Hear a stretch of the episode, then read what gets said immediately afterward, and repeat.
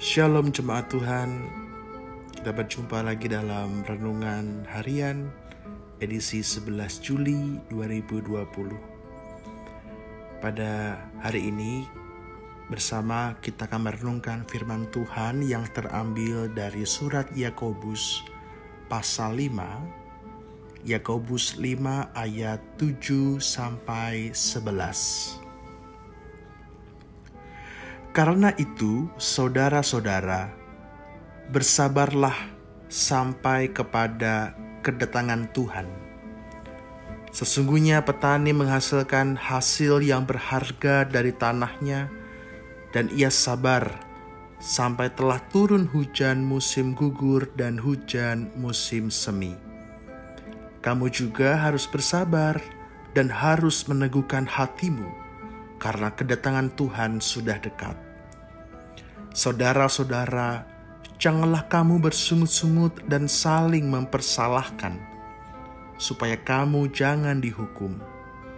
Sesungguhnya, hakim telah berdiri di ambang pintu. Saudara-saudara, turutilah teladan penderitaan dan kesabaran para nabi yang telah berbicara demi nama Tuhan Sesungguhnya kami menyebut mereka berbahagia, yaitu mereka yang telah bertekun. Kamu telah mendengar tentang ketekunan Ayub, dan kamu telah tahu apa yang pada akhirnya disediakan Tuhan baginya, karena Tuhan Maha Penyayang dan penuh belas kasihan. Jemaat terkasih, Alkisah ada seorang wanita yang sedang menunggu jadwal pesawat di bandara. Untuk menghabiskan waktu, dia membaca buku dan menikmati kue kering yang berada di sampingnya. Beberapa saat kemudian, dia merasa curiga dengan pria tua yang mengamatinya. Makin curiga ketika pria itu mengambil kue kering tersebut dasar pria tua tidak tahu diri. Kata perempuan itu dalam hatinya. Karena tidak tahan, akhirnya dia pergi mengambil sisa kue kering itu, meninggalkan pria tua itu.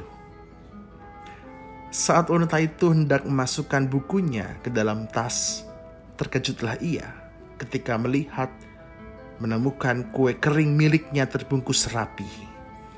Kue kering miliknya ternyata sama jenisnya dengan kue kering milik pria tua yang baru saja dia salahkan tadi. Cuma Tuhan, secara manusiawi, tanpa sadar kita lebih mudah untuk mencari siapa yang salah atas kesulitan, atas pergumulan yang kita alami. Firman Tuhan dalam surat Yakobus mengingatkan kita tentang kesabaran untuk tidak bersungut-sungut dan saling mempersalahkan. Wujud sabar dapat diartikan bertahan, konsisten, dan bertekun. Firman Tuhan dalam Yakobus menyebut tokoh Ayub sebagai contoh yang telah bertekun dalam penderitaan. Kata tekun diterjemahkan dari kata Yunani hupenmom. Hupenmom artinya bertahan, untuk bertahan. Ini sebuah sikap pasif, tapi sebuah sikap aktif. Ini bukan sikap, ini bukan sikap yang pasrah, tapi sebuah sikap yang berserah dan berjuang bukan sikap yang membelakangi badai atau lari dari masalah, tetapi justru menghadapi dan melawan badai itu. Sikap ketabahan ini bukan seperti pelari sprint yang mulai dengan tenaga besar lalu habis di ujung finish. Justru sikap ketabahan ini seperti iman pelari maraton yang mungkin tidak cepat larinya, tapi konstan, terus-menerus, terus sampai pada akhirnya. Ini gambaran dari sebuah karakter kesabaran yang kemudian menghasilkan tahan uji dan pengharapan. Cuma Tuhan, mungkin di antara kita sudah mendengar berita bahwa ibadah ragawi kita atau ibadah onsite ditunda lagi. Mungkin di antara kita sudah berharap untuk bisa dapat beribadah di gereja, berharap agar gereja bisa kembali dalam situasi new normal, atau mungkin berharap agar pandemi ini segera berakhir, agar ekonomi boleh menjadi pulih, pekerjaan boleh menjadi pulih, dan lain sebagainya.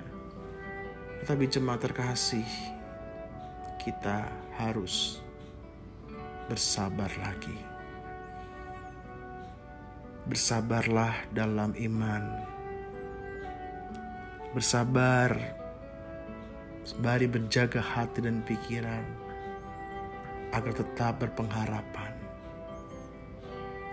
Bersabar sedikit lagi seperti pelari maraton yang terus-menerus konstan hingga akhirnya tahan uji. Kita semua berharap, berdoa agar pandemi ini berakhir. Kita semua percaya dan mengimani bahwa ada kebaikan di balik semua ini.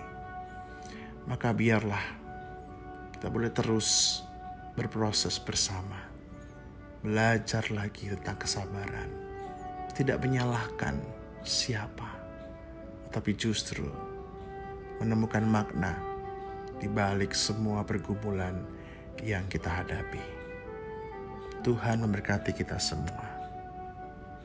Amin.